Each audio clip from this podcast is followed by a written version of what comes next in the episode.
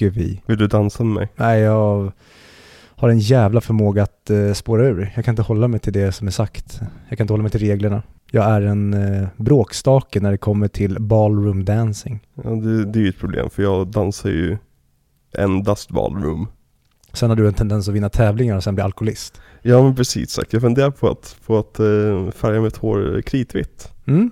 Och se ut som typ tre olika skådisar samtidigt och sen visa sig vara helt okänd person. Ja, Ja, exakt vad jag tänkte. det vad jag tänker göra. Välkomna tillbaka till audio videoklubben. Och nu ser vi fan Viktors ögon frydas en gång till. Han inser att fuck, jag har inte kommit på melodi till den här veckan heller. Ja men vänta, det var, det var ju någon jag skulle köra förra veckan som jag bara fick blackout på. Okej, då ska vi testa om den funkar.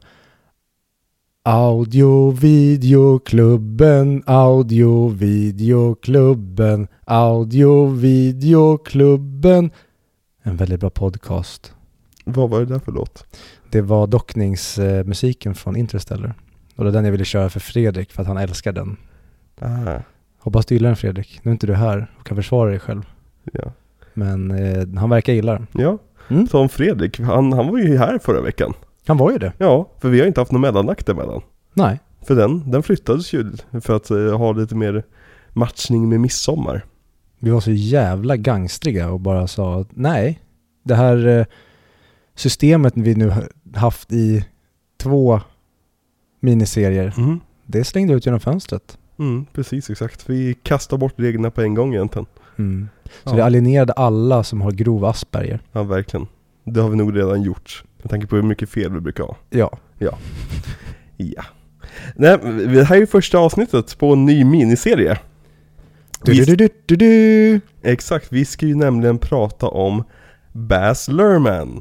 Det är sjukt. Det är sjukt att vi ska se, eller vi har sett en, men Ja. vi ska se fem Baz Luhrmann-filmer till. Vilka filmer är det som vi ska prata om, Viktor? Idag ska vi börja, nej jag kan inte börja så här. Jo, det är lite på skämt, för idag kommer jag ändå vara glad tror jag. Okej, Men idag ska vi prata om Strictly Ballroom från 1994. två. 1992, börjar bra. Verkligen. Som sagt jag säger det med tanke på mängden fel vi har så Asperger-lyssnarna de, de har försvunnit för länge sedan. Vi ber om ursäkt. Och sen så ska vi prata nästa vecka då om eh, Romeo plus Juliet från 96. Det, där var det rätt årtal, tack. Ja. Och då får vi prata om Leonardo DiCaprio. Mhm. Mhm. Och eh, veckan efter det då ska vi prata om eh, Molin Roge från 2001 va? Ja, precis Mm. exakt. Med Ewan McGregor och Nicole Kidman. Och, och då vill vi prata om Ewan McGregor. Mhm. Och Obi-Wan Kenobi. Ja. För den har vi inte pratat så mycket om. Nej, vi har ingen Patreon-special på den. Nej, verkligen. Så det är ingen idé ens att surfa in på audio videoklubben, vad säger jag, patreon.com slash audiovideoklubben. Exakt. Eh, och veckan efter Modern Rouge då? Då ska vi prata om Australia mate. Med Hugh Jackman. Mm, vad är den från? 2006? Åtta. Åtta till och Jag med. mig det. Damn. Det var Ja. för att de filmade och filmade och filmade och filmade och sen slängde de ingenting utan de tryckte ihop allt de hade filmat till en tre timmar lång snarkfest. Ja. Jävlar vad jag börjar direkt här. ja, verkligen. Du har inte sett om de här filmerna på evigheter. Nej. Och sen så är det väl 2000... 13. Är det 13? Ja. Med den vi- store Gatsby. Ja, mästerverket. Mm. Och sen har vi 2022 så har vi Elvis. Alltså han är ingen, ingen man som jobbar snabbt kan man ju säga. Nej. Och, Men han har ju också gjort en tv-serie mellan eh, senaste ja, filmen och The, The Get Down heter den va? Ja, precis. Eller var det den som hette Get, Get Down Down? Det var någon som hade någon sån konstig titel med ett ord som upprepade sig. The Get Get Down. You spin me right round baby right round. Exakt. Round round like a record baby round and round Precis, round exakt. round. Vad håller du på med? Jag vet inte. Nej. Så jag tänker att vi börjar hoppa rakt in i det här spektaklet då. Ja, för igår, då sa du, jag frågade, du, då hade du sett filmen. Och jag hade inte sett filmen. Nej. Och igår spelade in, vår, vi in vår Patreon-special om Who Framed Roger Rabbit. Så för Mm. att det var jävligt kul. Verkligen. Men då bad jag dig on mic att så här, gissa vad jag kommer att sätta för betyg på den här filmen. Mhm. Och du sa, du började med att säga, det här är inte den filmen som du tror att det är. Mm. Vilket får mig att tänka, vad trodde du att jag trodde att den här filmen var för något? Jag trodde att du trodde att det, eller okej, det är kanske mina fördomar, men jag trodde att du hade typ samma fördomar. Ja. Jag trodde att det skulle vara rakt upp en eh, typ Romeo och Julia berättelse om ballroom dancing som var väldigt allvarlig och väldigt shakespeariansk. Mhm. Men det var ju någonting helt annat vi fick. Ja, den var precis det jag trodde den skulle vara. Alltså d- den här filmen, på mångt, i mångt och mycket så är det här en film som var, när, att se den här filmen, det var som att upptäcka så här, aha, det är härifrån det kommer. Med mycket av liksom Romeo och Juliet och även eh, Moulin Rouge senare och Australia och alltihopa. Att det här är liksom nyckelstenen, för han har gjort den här filmen om och om igen sen dess. Mhm. Den här filmen Nej. är hans urfilm, Är det så? verkligen. Okej, då minns jag, ja, Romeo och Julia minns jag ingenting ifrån. Australia minns jag alldeles för lite ifrån. Alltså Moulin Rouge är den här filmen med en stor budget. Där han verkligen får svänga ut med de svängarna han ville ta i den här filmen. Ja, då var jag ju helt ute och cyklade. Ja, verkligen. Nej okej, för jag har ju missuppfattat. Jag har ju tänkt att hans, ja, alla kommande filmer Mm. är filmer där han tar sig själv på väldigt stort allvar. Nej, det, det är snarare tvärtom. Alltså, okej, nu hoppar vi bara rakt in där, men Ja. fuck it. Eh, jag skulle säga att han ser sig själv som eh, Scott, heter han va? I den här filmen, huvudkaraktären. Ja. Som den här personen som vill dansa, men han vill göra på sitt egna sätt. Så han, han, tänker inte, han tänker inte vara den här snofsiga, upp, stuck up idioten som alla, han, alla runt omkring honom. Utan han vill, han vill dansa jazz ibland, han vill slänga in något steg från samba liksom. Eh, det är hela grejen med Baz Luhrmann, han är, han är galen i huvudet. Ja, men jag tror att han var galen i huvudet på ett annat sätt, att han inte kunde vara så här kul. Okej, vad spännande. Ja, verkligen. Så att då sk- ska ju den En här resan... rolig miniserie framför dig helt enkelt. Mm. Okej. Jag såg den här filmen i, idag till och med. Jag gjorde det inte igår kväll som jag lovade. Utan jag såg den idag. Fy skäms. Ja, och jag skulle säga att det här är en film som har otroligt stora pacingproblem. Jag stannar dig där Jaha. och så återkommer vi till det här sen. Nej, nej, låt mig bara dra igenom den här ranten jag har här. Okej, ska jag låta dig passera? Till skillnad från när du styrde Marvel, för då fick vi inte passera. Okej då, jag släpper, jag är... Det, det, det, tio sekunder bara. Okej, Ja. En. Nej, jag. För att det här är en film som har gigantiska pacingproblem. Den har ett överskrivet manus. Den har ingen kontroll alls över sin ton. Den är överspelad utav bara helvete. Och den är alldeles, alldeles underbar. Copy-paste. Ja. Jag tycker exakt samma sak. Ja. Så, då var vi klara för den här veckan. Bra, det, tack så mycket till alla våra patrons och alla våra lyssnare. Nej, Viktor. Berätta lite grann om Baz Luhrmann. Jag ska berätta om Mark Anthony, ni vet han som den här artisten som eh, vid ett tillfälle var gift med Jennifer Lopez och eh, gör eh, spanska ballader. Mark Anthony, var inte det en, en romersk kejsare? Jag pratar bara om kända artister på 20-talet. Okej. Det är så långt bak. Okej, Mark Anthony, vem är det då? Jag håller på att kvävas här. Det är ju, eller det är ju en semikänd artist och han är typ mest känd för att han var gift med Jennifer Lopez. gör? Jaha. Och eh, han har ju en låt som har sen blivit en väldigt stor hit, men det är inte hans låt utan det är en cover på den. Men jag kan spela lite här så får du höra med Mark Anthony.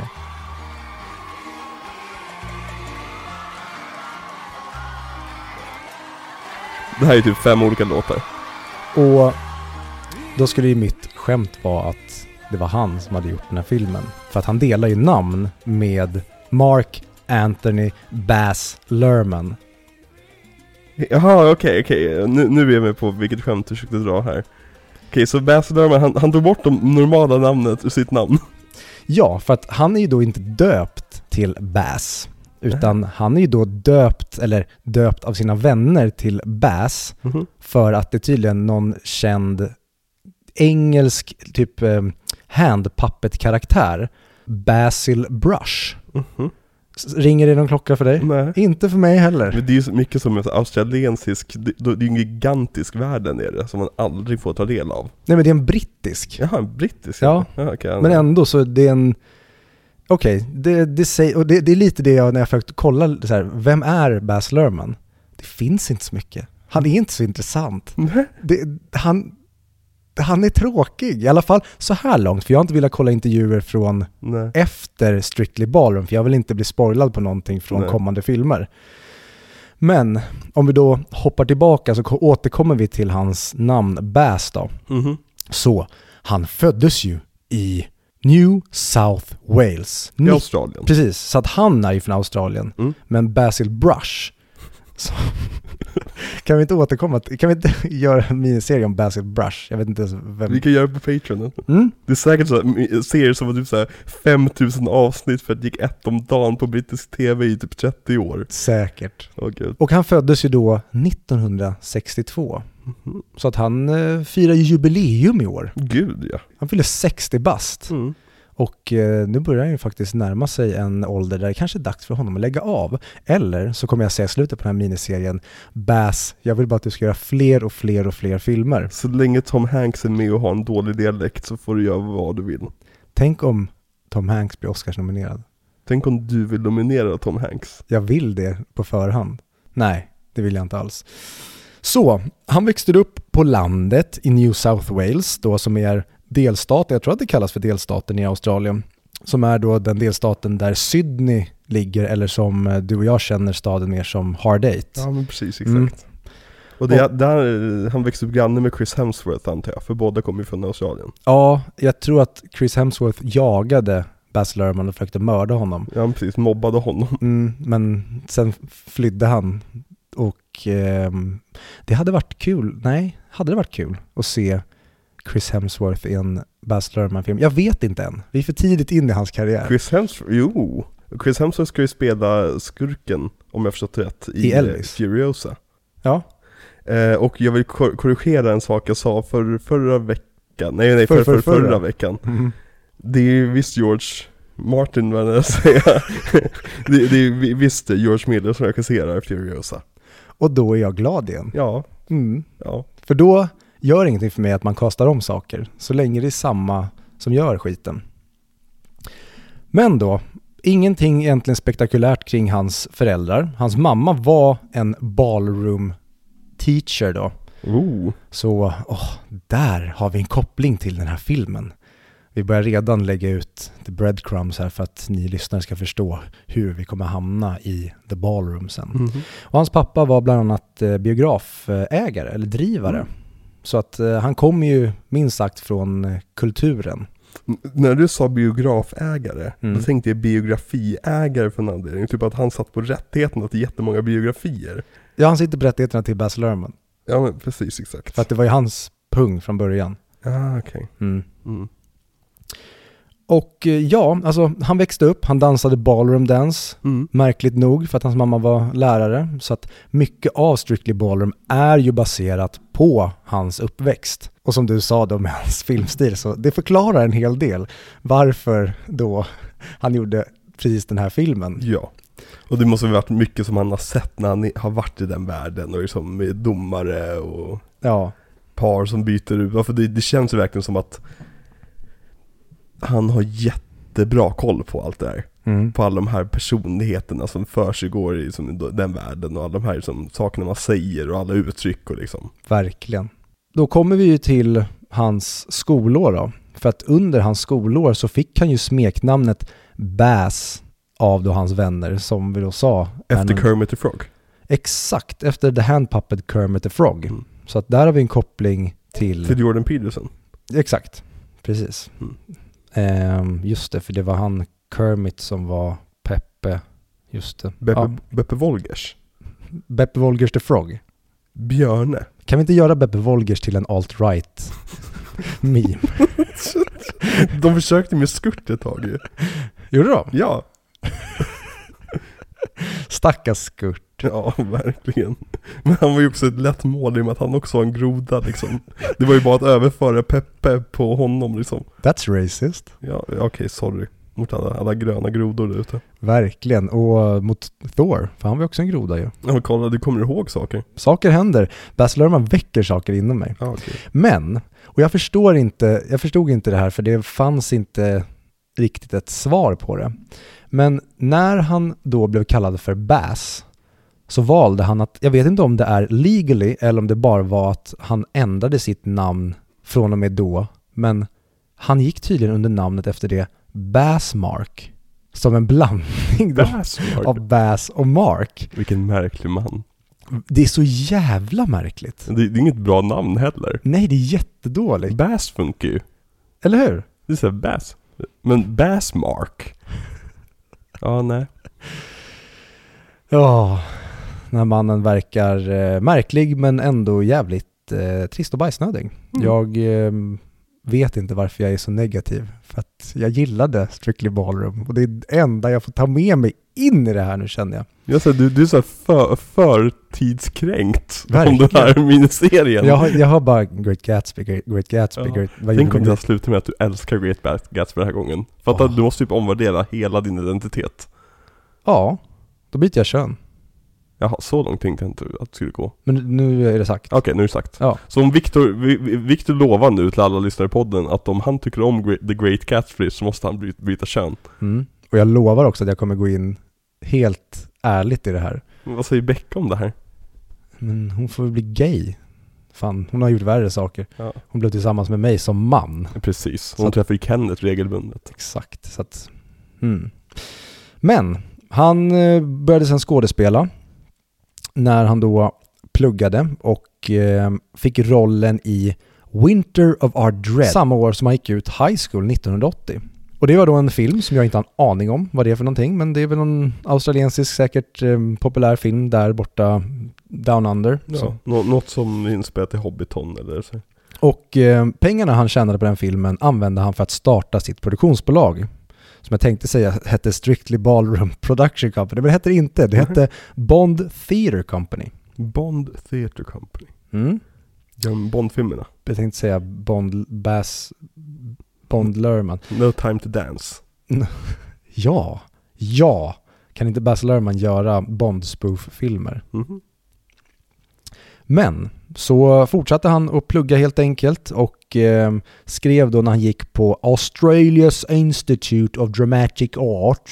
Och i plugget så träffade han då sin numera vän och även samarbetspartner vid många tillfällen, Craig Pearce.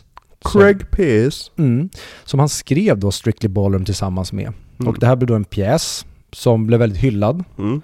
Och sen så lyckades han då samla ihop pengar för att göra det här till en film helt enkelt. Mm.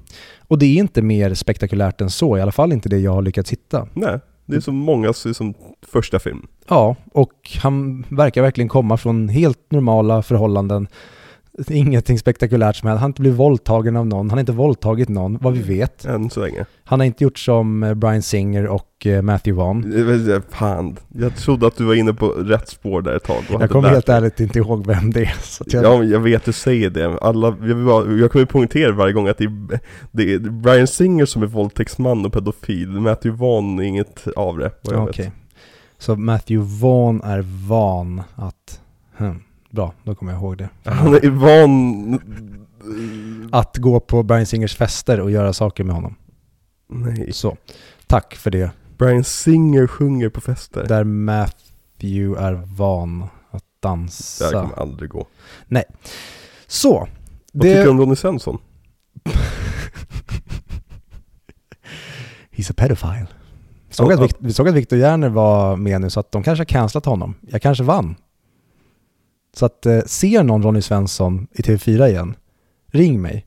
För då vet jag att jag misslyckats. Men Mhm. ser jag inte honom igen och hör jag inget om att han inte har varit i TV4 igen, då har jag faktiskt satt dit en pedofil. Han är väl iväg och skriver sin mästerrecension. Där han säger att Jo men eh, nya Thor-filmer, jag tycker den är väldigt bra. Eh, till skillnad från tidigare som var lite sämre. Ja, det håller. Ja, det gör det. Mm. Det är bra det här.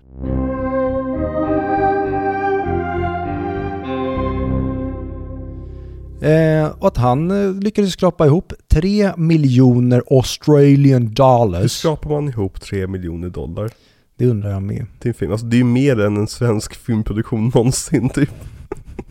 Och det skrapar Baz Luhrmann, okänd teaterregissör ihop. Ja, och sen så fick vi en jävla massa pengar på skärmen. Mm. Så um, det är pretty much storyn om Baz Luhrmann hittills. För Mm. att, ja, som jag sa, det har inte hänt så mycket spektakulärt i hans liv än, om man då inte tycker att en helt vanlig rak väg som det verkar vara från hans skoltid dansande till att han blir då skådespelare och sen då Mm. först teaterregissör och sen så får han göra då Strictly Ballroom 1992. Mm. Och filmen drog in 80 miljoner Australian dollars. Det är ändå rätt mycket. Det är en jävla konvertering på den pengen. Den blev rätt hyllad också. Den blev helt sjukt hyllad. Den Ja. fick, eh, jag, först läste jag att den fick en 15 minuter stående ovation Mm. på Cannes. Mm.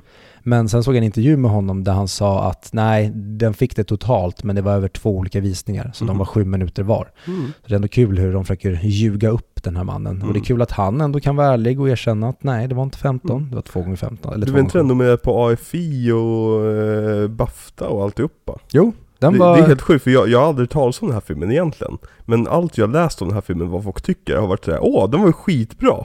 Mm. Så det verkar vara en sån universellt älskad film. Ja, och jag såg reviews där folk skrev Ja. så här “Best dance movie ever” Mm. och det såg jag innan jag såg den. Så tänkte jag, vad fan är det här för någonting? Mm. Det här måste ju vara hur jävla bra som helst. Ja, inledningssekvensen är ju helt otrolig.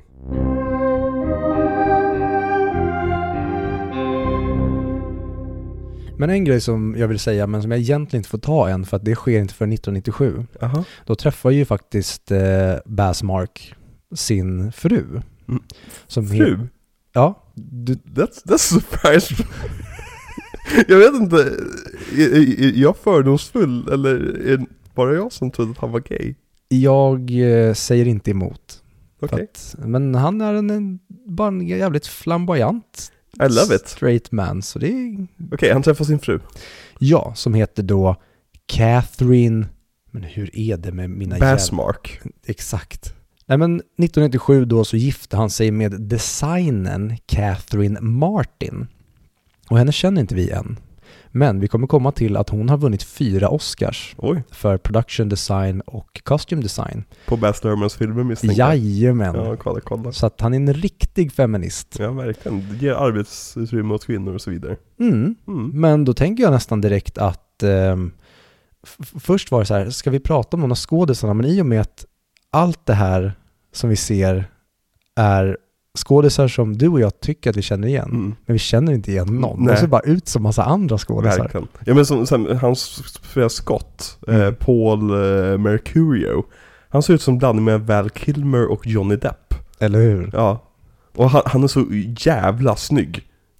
Alltså, och Bass vet verkligen hur man filmar honom mot ljus till exempel. Mhm. Och även, även hon spelar eh, huvudtjejen då i filmen, eh, Fran, Tara Maurice. Mm. Ehm, Är så jävla lik Rebecca Ferguson om Rebecca Ferguson inte såg ut som en gudinna. ja men precis, hon ser ut som en normal version av Re- Rebecca Ferguson. Och Verkligen. jag tycker det är kul hur de genom hela filmen, de börjar med Fran som helt osminkad och verkligen gör narr av henne, hon får dörrar i ansiktet och grejer och blir typ slapstick-karaktär. Mm. Och sen så genom hela filmen så bara ger hon, de henne lite mer smink i varje scen hon är med i. Tills hon på slutet är rätt vacker liksom. Mm. Det det är en kul grej.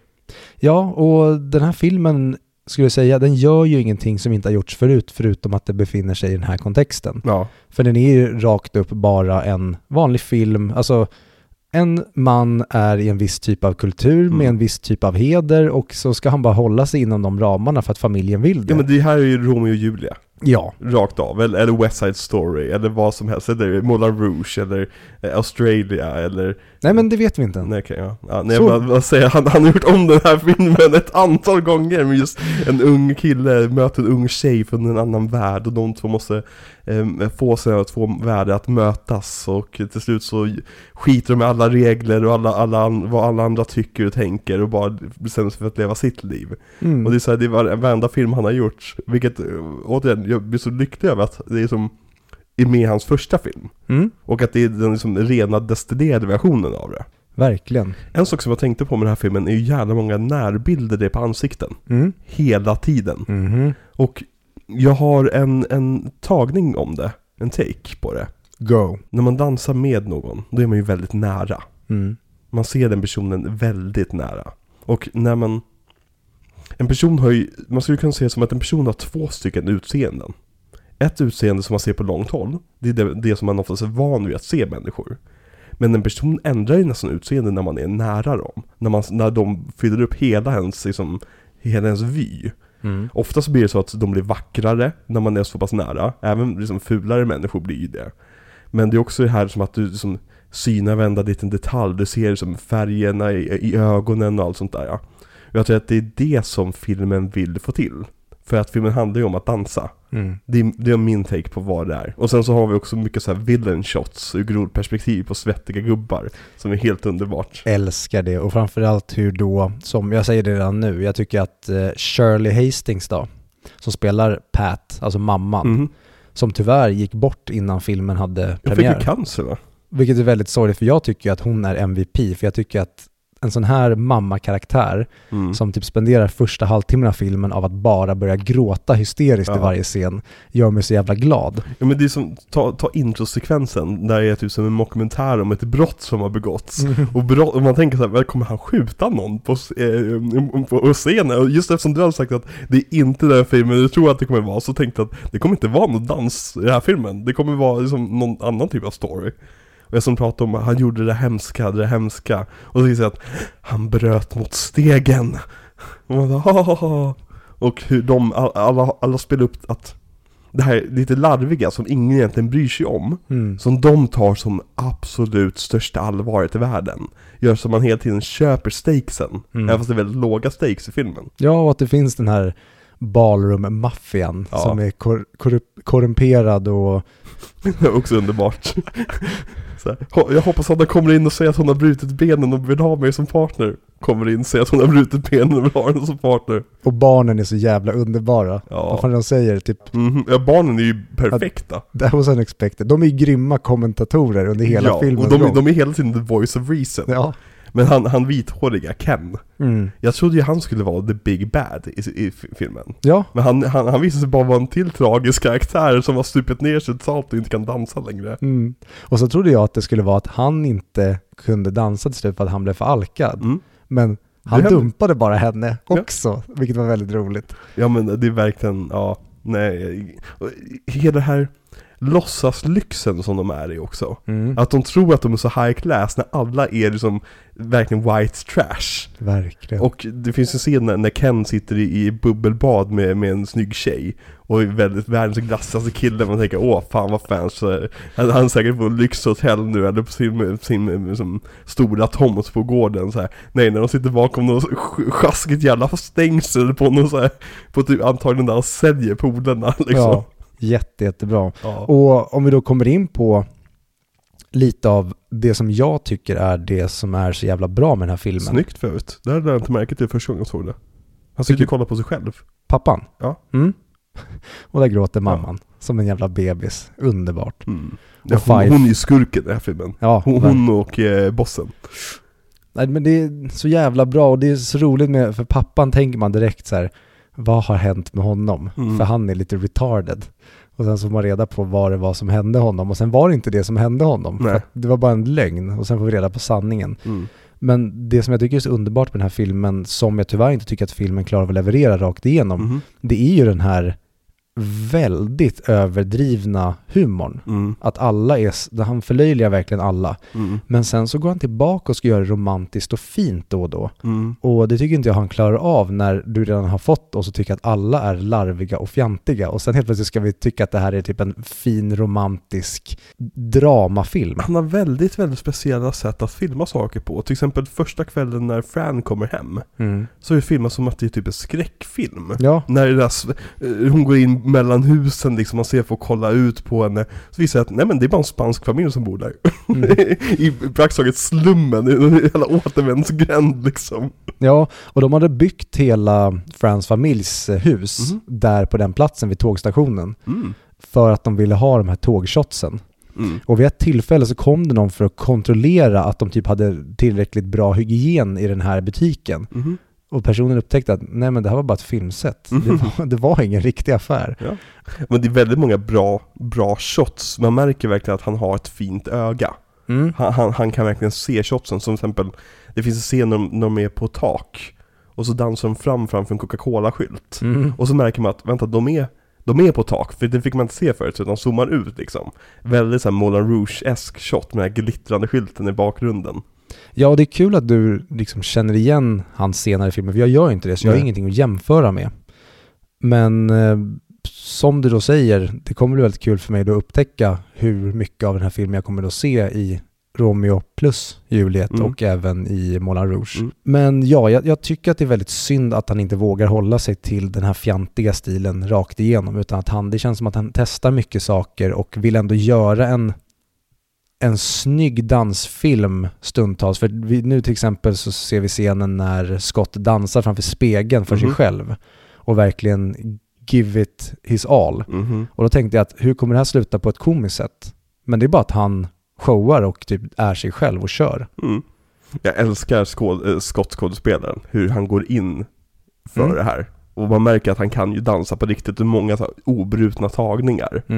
Och man ser också spåren av att det har varit en, en scenföreställning. Till exempel en scen när Fran, när han säger någonting till Fran när hon ska berätta någonting. Hon ställer sig mitt i spotlighten till exempel. Mm. Eh, och, och mycket sånt. Det, det känns... Eller när de springer upp på, typ för några trappor när de ska spionera på pappan. Mm. Och lite sånt där. Det är väldigt, väldigt liksom, scenerigt, så att säga. Mm. Och jag tycker synd att de, han inte vågar hålla sig till det rakt igenom utan han vill verkligen bli filmisk och seriös. Mm. Och ibland vill han vara scenerig och väldigt fjantig. Mm. Så att tonen är all over the fucking world i Mm. den här filmen. Men det är ju som, som hennes föräldrar. Som jag trodde skulle vara mycket mer liksom av, av social realism så att säga. Att de Mhm. skulle vara liksom nästan våldsamma och liksom skrika på honom och grejer. Men de så här, så fort de hörde att han dansade så här. Okej, bra, du är good guys. Men så här, "Vä- vänta, jag får lite whiplash här, vad händer nu? Och det är väldigt roligt när han får komma in och visa vad han kan. Mhm. Och hela släkten garvar åt honom. Ja. Vilket också är kul, för man tänker ju inte att det ska hända. Man tänk, vi har ju sett honom som världens största pro. Mm. Så när han dansar, då, då så ska ju han vara den bästa. Ja. Och så visar det att, jaha, det här var inte bra alls tydligen. Det vi precis såg. Jag tyckte det såg bra ut, men ni ser ju uppenbarligen att det är dåligt. Mm. Däremot, det leder mig angående familjen. Mitt största gripe med filmen är slutgrejen när musiken har tystnat och publiken ger dem takten genom att klappa. Mm. Har du någonsin varit på konsert, Viktor?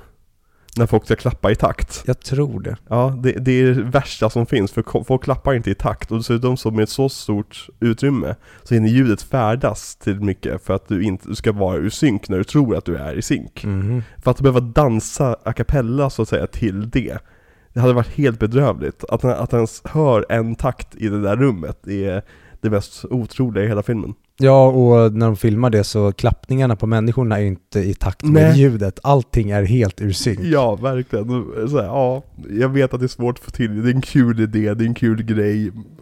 Nej. Nej. Och då får man hela tiden bara tänka att det är väldigt charmigt att det här är hans första film. Han fick pengarna för att göra det här. Mm.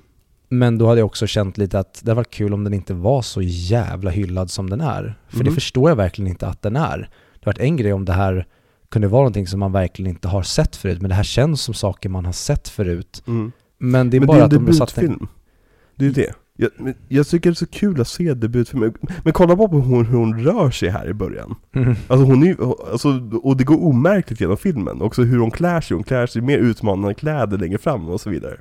Jag tycker de gör det hela liksom, går från ful till snygg grejen rätt subtilt. Ändå. Ja, och hur de har designat Fran i början och även hur jag tycker att egentligen alla i den här miljön är. Det känns nästan som att alla är tagna direkt ur um, Requiem for a Dream. Alltså det är väldigt mycket det i looken. Hon ser nästan ut som hon går på typ amfetamin här i början. Hon ser ju ut som en typ 70-årig kärring som de bara har färgat håret på. Ja men och just det, det är också kul för att just nu är det väldigt, väldigt varmt i Stockholm. Så att Mhm. sitta och kolla på den här på dagen var väldigt så här, jag känner hettan som de känner i Australien. För alla är ju sagt jättesvettiga, speciellt skurkgubbarna. Vad tycker du om eh, musiken i den här filmen? Den blev ju belönad och väldigt hyllad. Mm. Men jag typ la inte märke till den alls. Alltså jag tyckte den Mhm. var ganska slätstruken. Eller så här, ja den gjorde det den skulle men det var ingenting som jag tänkte, och jävlar vad bra musiken är. Mm. Var det någonting du tänkte på? Scoret blev jag inte superimponerad över, men själva soundtracket, alltså låtarna de spelar, de dansar och så vidare, tyckte jag var jättehärligt. Mm. Eh, de har en eh, av Time After Time som de kör en hel sekvens till. Som eh, för övrigt är skådisen som spelar Fran som sjunger i den här varianten. Jaha, kul. Mm. Ja, och eh, hon som då spelar Fran, som jag har glömt namnet på, Mm. hon var ju med i scenföreställningen Mhm. och var från början ganska ratad. De var många som inte ville att hon skulle vara med i filmen. Mm. För att hon från början då inte är en skådis, utan hon är från början en dansare. Mm. Och det sa Baz Luhrmann i en intervju att det är väldigt lätt att lära en skådis att dansa på film. Mm. Det är väldigt svårt att lära en dansare att skådespela. Mhm. Så att han sa verkligen det ett tips, jag vet inte om det var riktat just mot henne eller om det var flera i filmen som från början är dansare som kanske inte höll så bra skådismässigt. Mm. Men eh, jag tycker hon gör det galant. Ja, verkligen. Jag, blev ju intrigued av att se henne i andra saker. Mm. Och så kollade jag upp vad hon har varit med och bara, ah, okej, det- inget av det här verkar särskilt intressant, nej. Nej. Men hon är med, hon kommer ju, många av de här dyker ju upp igen i andra Baz Luhrmann-filmer. Mhm, Framförallt i Australia. Kul. Väldigt många med. Och även i Great Gatsby dyker folk upp igen. Åh fan. Och hon är med i Moulin Rouge till exempel. I en väldigt liten obetydlig roll. Men kul. Mm. Roligt när man återanvänder sitt stall. Det, det här är en sån här film som jag, jag förväntade mig att Philip Baker Hall skulle dyka upp. Och inte bara för att den utspelar sig som i Sydney, men Han spelar Sydney. mhm, precis. Han går in i slutet och skjuter ihjäl alla. Ja. Men jag, tror, som vi nämnde i Roger Rabbit avsnittet som vi spelade in igår, Mm. Så är den här filmen, den har väldigt mycket så här Batman och Robin, Batman Forever-vibbar. I, Verkligen. I hur, liksom, hur sinnessjuk den är ibland i sina shots. Men den har, har kontroll över det återigen. Mm. Och alla de här kläderna de har på sig också, och hans, den här spanska jackan han får på slutet. Jaha. Sitter så jävla bra på honom. Som tydligen var det dyraste i typ hela produktionen och Mm. den tog flera veckor att göra. Ja det kan jag tänka mig. Okej, nu ska jag er, erkänna någonting väldigt, väldigt pinsamt. Jag trodde de var italienare, tills de började da, da, dansa spansk dans. För en anledning. You fucking racist. Men jag såg korvarna hänga i fönstret och tänkte, ah, italienare. Mm. Det är deras grej. Jävlarna. Men jag tycker på tal om föräldrarna igen, så jag gillar det här med att dansen blev liksom ett internationellt språk mellan de två. Mm. Så ett, ett sätt de kunde kommunicera på. Alltså, ja. De hade ju kunnat göra mer då att hon kanske inte pratade så bra engelska. Mm. Utan hon var typ bara spansktalande och så var Mm. det så de connectade med varandra. Jag tycker farsan var helt underbar också. Verkligen. Han, han går ju in stenhårt i humorn i det hela. Ja. Och det blir väldigt roligt, tycker jag hela den spanska familjen är. Mm. Där är de verkligen i den bra delen av tonen i den här filmen tycker jag. Där är han. Ja. Ken. Och här har vi scenen med bathtubben Ja, när han har precis. värvat över, vad heter hon? Heter hon Liz? Ja, precis. Exakt. Ja. Hans första, Scotts första tjej. Mm, som han snor och sen dumpar så vill de komma tillbaka. Ja. Men om du skulle försöka sälja in den här filmen till person som aldrig skulle tänka sig se den här filmen. För jag, jag hade aldrig tänkt mig att se den här filmen. Inte jag heller. Vad skulle du sä- sälja in den som? Nej men jag skulle nog säga att det är en sinnessjuk film om dans, Mm.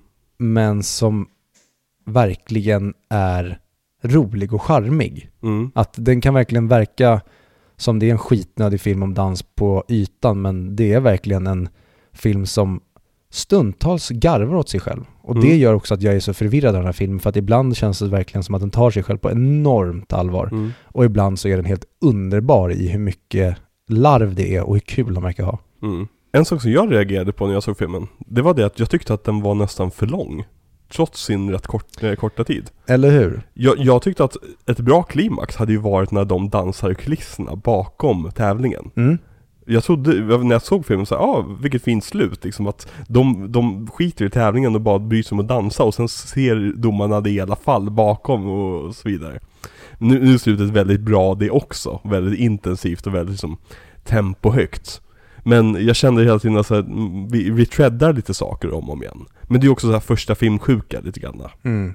För det gjorde ju till exempel Hard Eight också, Ja. mycket. Och det är väl det att i den här så när det blir mycket upprepningar, ja du behöver få ihop typ speltiden till en och en halv timme. Men den här filmen kanske egentligen borde vara typ 40 minuter. Mm, eller en timme. Ja, om man skulle göra den vad som verkligen behövs. Mm. Dock gillar jag hela sidogrejen med pappan. En Även när man inte vet vad det är om. En av favoritdelarna tycker jag. Ja, men hur man bara klipper till honom lite då och då stå och dansa för sig själv rätt dåligt liksom. Så här, solodansa.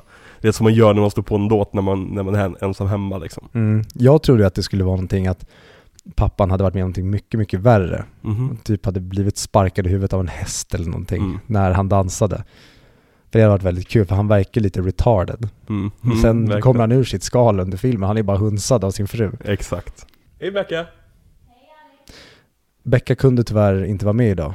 Nej, hon har varit ute och dansat med Kenneth. Ja, det Mm. tar vi sen hon och jag. Det Ja. blir boxfilé till middag älskling. Får du talas vid efter maten. Mm. Har du kollat igenom skådespelarna ordentligt? Var det ingen som du kände igen från någon annan film? Det är väl antagligen för att jag har sett Australia och Moulin Rouge och grejer, men ansiktena var verkligen så här, fan jag, jag vet vem du är på något sätt liksom. Ja och nej, jag har verkligen ingen. Jag kollar så pappan som heter Antonio Vargas, Mhm. som spelar då Rico. Han ser också ut som massa andra skådespelare som man har Jo, sett. Det är något specifikt jag tänker på med honom. Ja, jag satt och funderade på det under filmen men jag, jag Mm. kunde inte naila någon. Och samma sak med eh, han som spelar Barry Fife, Bill Hunter. Mhm. Han ser också ut som massa andra eh, brittiska skådisar. Mm. Ja precis, många har ju liksom brittiska tänderna framförallt. Mm. Men nej, Mm. tydligen inte. Han Rödtott spelar hans kompis. Blev en karaktär från ingenstans. Också så jävla märkligt för att han är inte hans kompis utan helt plötsligt bara vänder han. Han, han går bara runt och typ gnäller på Ja. honom i hela filmen. Mm. Och sen bara, nej, jag backar upp honom. Ja men det, är så här, det, det känns eh, kaotiskt och liksom eh, Hur han Fife också visar sig. Först så, men han, han kanske är lite snäll ändå. Mm. Och sen så har han verkligen såhär hero, nej, villain moment nere i källaren med eh, som, typ rosa belysning i ansiktet. Han står där och typ Oavsett hur bra du dansar så kommer du vinna För jag ser till att han kommer förlora. Och så vidare Om du skulle ändra någonting med den här filmen, vad skulle det vara för något? Stryka de seriösa delarna Mhm. helt och hållet och bara vrida upp larvigheten under hela filmen. Mm. För jag tycker verkligen Bass får till det i den här filmen. Det är så jäkla roligt och absurt ofta i många scener. Framförallt humorn i början och hur Liz behandlar Fran, som du, du nämnde när hon stänger dörren på henne och sånt. Mhm. Det är skitkul. När mamman får sina psykbryt och börjar gråta och hur dramatiska de är kring den här jävla Pacific-tävlingen. Mm. Och att de verkligen säger hela namnet varje gång. Ja men det, är- är som i eh, Community, när de gör Glee-parodin Kommer inte ihåg. We're going to regionals! Ah, Okej, okay, jag minns inte. Okej, ja de nämner det hela tiden för att det är någonting som händer i Glee tydligen De är väldigt söta tillsammans tycker jag Och Mm. jag tycker att de, de, de, ja här har vi pappan som dansar på taket igen Nej men jag tycker de säljer verkligen det här gradvisa förälskelsen också Mm. Att det inte är att han har någon så här Oh my god moment när han ser henne sminkad Mm. Utan det är verkligen så här. Det är som att Det är som att filmen nästan säger att hon ser likadan ut egentligen i första scenen som i sista scenen Det är bara det att hans bild av henne ändrats Ja, i en mer erfaren och kontrollerad film hade jag absolut kunnat gå med på att Mm. det är det han vill förmedla. Ja men för att det är väldigt mycket av det här, just med de här närbilderna också Allting är nästan från Scotts point of view Mm. Hur han liksom känner sig hotad av de här som offici- officiella, som gubbarna sitter och Och liksom mamman som skriker och så vidare Mm. Jag tänker så här, vi kan säkert återupprepa det vi har sagt nu, för nu har vi åt- återupprepat oss ganska mycket känns det som. Ja, Men då skulle jag vilja veta, hur är din relation till Baz Luhrmann inför det här? Alltså, så här, Baz Luhrmann 2001 släppte han en film Som har varit en av mina favoritfilmer genom hela livet Och det är Moulin Rouge Mm. Och den kommer vi prata mer om om två veckor Mm. eh, Men den filmen har Är nog den saken som mest ansvarig för, för mitt musikalintresse Mhm. Och liksom, den skapade också väldigt mycket av vad jag tycker om i film, så att säga.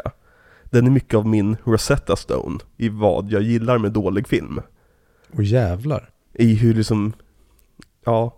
Nej, så Baz Luhrmann överlag är en så här eh, regissör som jag alltid liksom har haft mycket kärlek för, mycket respekt för. Mm. Eh, Även Australia som, som är jävla nothing burger, Det vet du inte än. vet jag inte än. Men jag minns att när jag såg den var så här, men fan vad bitarna som känns bra ändå kändes bra liksom. Så jag har alltid haft liksom Baz Luhrmann i ryggen att, ja men, han är, han är en person, en liksom, men en flamboyant homosexuell man som jag verkligen, verkligen liksom resp- respekterat och liksom tyckt om. Och så bara rycker du mattan under fötterna på mig och säger att han är straight. Han kanske spelar för andra laget och hans fru är okej med det, det vet vi inte. Hans fru kanske är ett skägg. Mycket möjligt. Mm. Mm. Vad är din relation till Baz Luhrmann då? Mm, jag kan ha hintat åt det här tidigare i det här avsnittet och kanske lite tidigare någon gång i ett annat avsnitt. Men jag hatar ju honom för att han våldtog en av mina Mm. favoritböcker, Great Gatsby, när han skulle göra den. För att det som den trailern lovade var verkligen wow, du gör den inte egentligen down to earth och väldigt, ja men om jag ska säga, ta en lukta 90-talig, Mm. väldigt, alltså väldigt realistisk, utan den blev väldigt, redan på trailern på förhand så såg det ut som det skulle bli en väldigt flamboyant film. Mm. Och de tar det här moderna med modern musik och vi bakar in det i 20-talet. Men det såg jävligt ballt ut på trailern. Mhm. Och sen såg jag den. Och jag hatade den med hela mitt jävla hjärta och jag blev ledsen för Leos skull att han blev Ja. tvungen att vara med i det där. Vi kommer ju gå me- mer in på det, men var det någonting mer, var det någonting mer som du liksom kände att, ja men det här var i alla fall bra, eller var det rent hat? Nej men det är just det att den, den är lite som Strictly Ballroom. Den kan inte riktigt bestämma sig för vilken ton den ska ha. Nej. Och den blir väldigt shakespeariansk på ett sätt, vill jag minnas. Nu har jag inte sett den här sen Nej. typ den kom, så det är nästan tio år sedan. Och d- 2013 var ju du rätt bajsnödig också. Precis. Så att jag kanske kommer ha roligare med den här gången och då byter jag ju kön. Mm. Men jag hoppas att det inte blir så. Ja. Nej, det gör jag såklart inte. Alltså, är det ett könsbyte som krävs för att jag ska tycka om Great Gatsby, Mm. fine. Då är jag med på det. Men, men uh, Moulin Rouge, har du sett den? Nej, jag har inte det. Du har aldrig sett Moulin Rouge? Nej, jag såg eh, musikvideon med Christina Aguilera. Alltså? Ja, men den såg väl alla tonårspojkar? Precis, och blev lite för kåt och kände att det här ska inte jag titta på med mina föräldrar. Jag kollade på den med min farbror. Ja, okej. Mm. Ja, men vad bra. Ja. Bra förspel Ja, verkligen. innan ni... Ja, okej, så, så det är spännande. Det, varför du, även om du inte har sett den så du måste vara med, alltså du är medveten om den filmens existens, antar jag. ja. Det är inte så att den inte har pratats om liksom sen den kom. Nej, jag vet ju om att de sjunger om marmelad i den. Ja, okej. Så Ja. det är väl det. Mm, ja men det är en film som handlar om eh, marmeladproduktion. Ja, okej. Mm. Ja. Röd marmelad. Horor och marmelad Mm. är vad jag tror att den handlar om. Kladdigt. Väldigt kladdigt. Jävlar vad marmelad är kladdigt. Ja, verkligen. Ja, Jesus Christ. Ja. Mm. Men eh, en sak, vi har varit inne och nuddat på det grann. Men det här med just när man ser australiensiska filmer så slås jag alltid av att fan det finns alltså en helt jävla, det finns en värld på andra sidan planeten som jag inte har någon som helst koll på. Mm. Och liksom, som Chris Hemsworth, han var ju tillräckligt känd för att vara med i som Dancing with the Stars innan han ens var med i en Hollywoodfilm. Mm. Och mycket sånt. Jag tycker det är alltid så kul med just australiensiska och nyzeeländska filmskapare. Typ Jane Campion, har du sett några av hennes filmer? Bara Top Dog höll jag på att säga. Power of the Dog. Top Dog hade ju nästan kunnat vara en alternativ titel till den filmen. Ja. Ja, väldigt bra film för övrigt. Väldigt bra film. Mm. Vi borde nästan se några av hennes tidigare filmer just för att det är väldigt nyzeeländskt specifikt liksom. Nice. Mm. George Miller är nog min favorit australiensiska filmskapare. Mm, jag kan inte komma på några utom typ de du har nämnt nu så... Peter Jackson. Fast han är nyzeeländare men vi bakar ihop dem i samma kultur. Precis, jävla öbor. Mm. Ja men de är ju det. Mm, ja, Peter Jackson var ju länge en favorit tills han gick och eh, våldtog Hobbit. Så att det är väl någonting där nerifrån. De gillar att våldta saker jag tycker om. Ja men det är ju en gammal eh, fängelsekoloni. Ja men då så. Ska vi gå igenom nästa vecka hur Australien grundades? Ja det hade varit kul om du ville prata om det. ja visst. Dra igenom en harang. Vi, vi, kan, vi kan se, vi kan dra en snabb harang om hur de förlorade ett krig mot Emus. Lätt. Ja.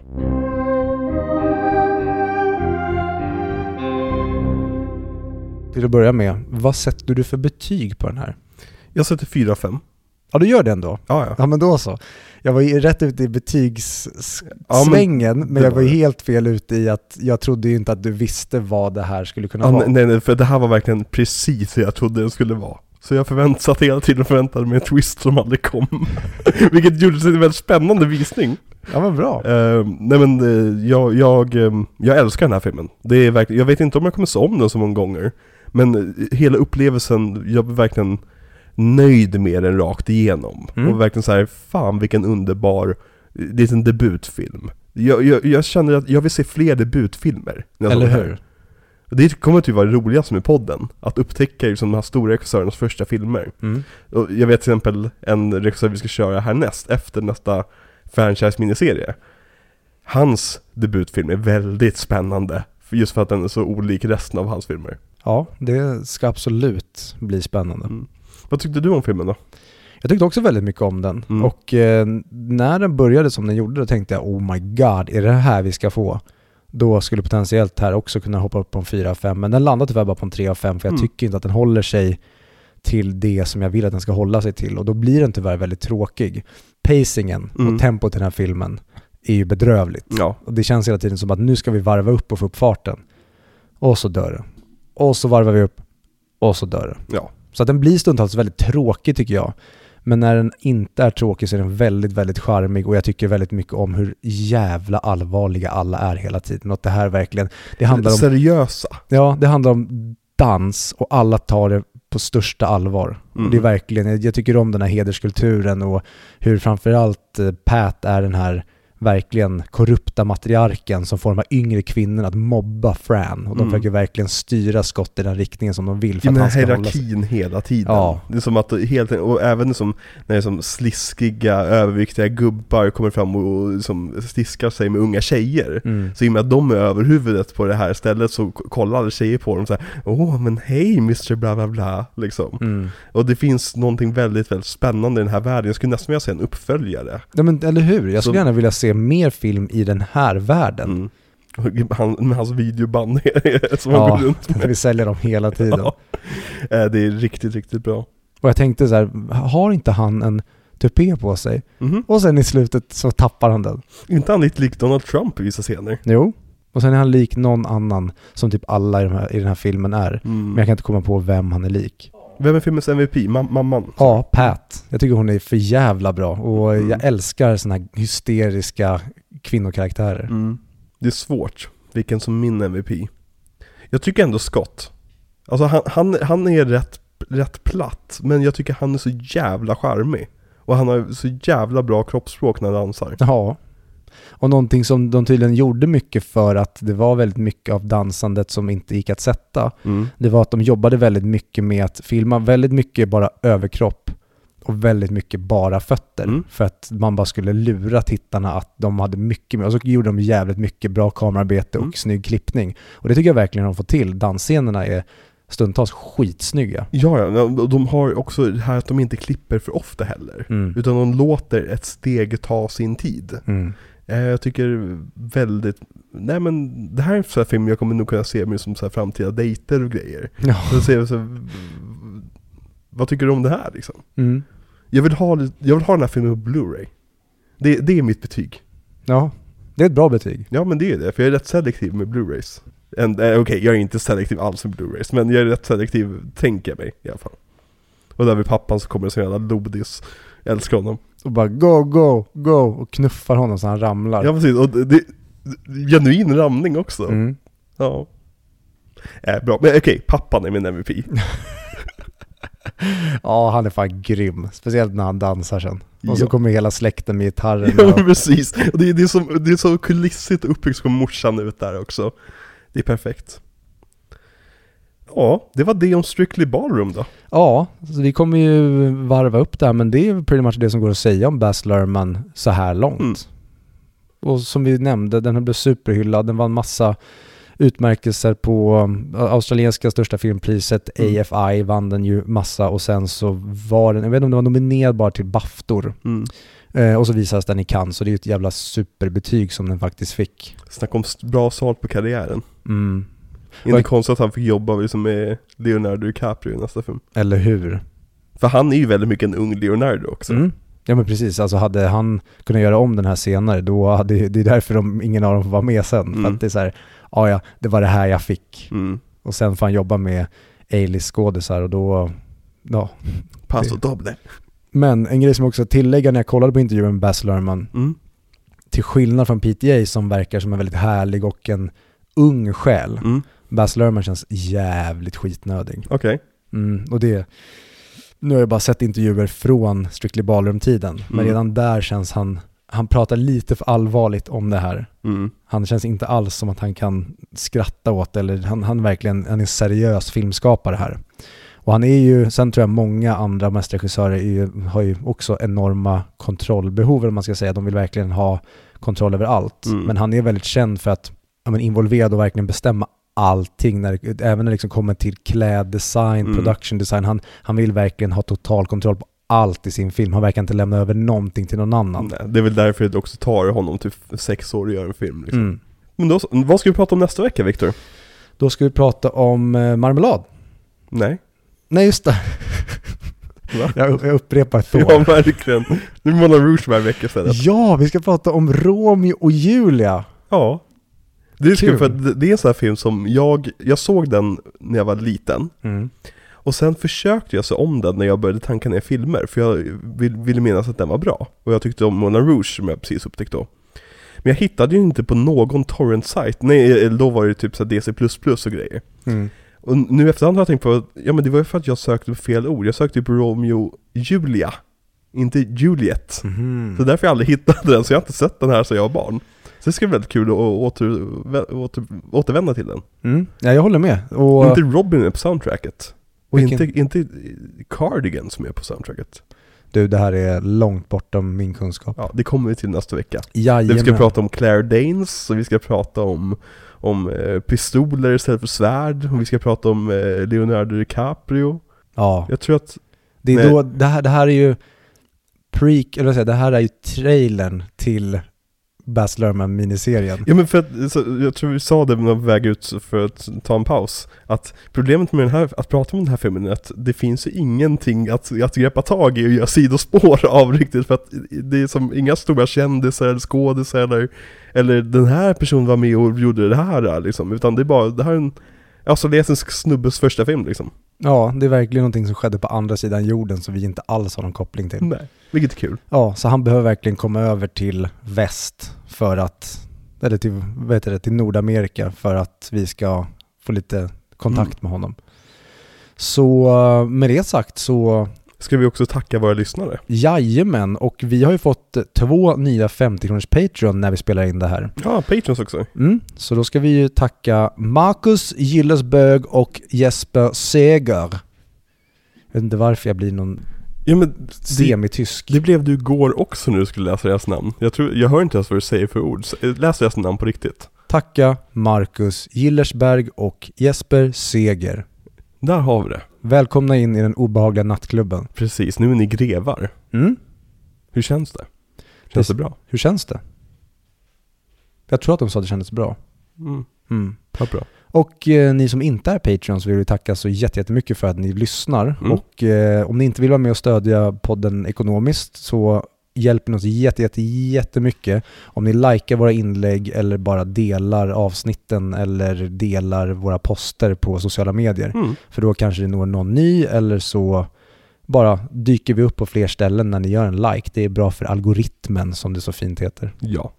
I denna moderna tid Mm. som vi lever i så behövs det faktiskt väldigt mycket. Så vi tackar er jättemycket för att ni gör det.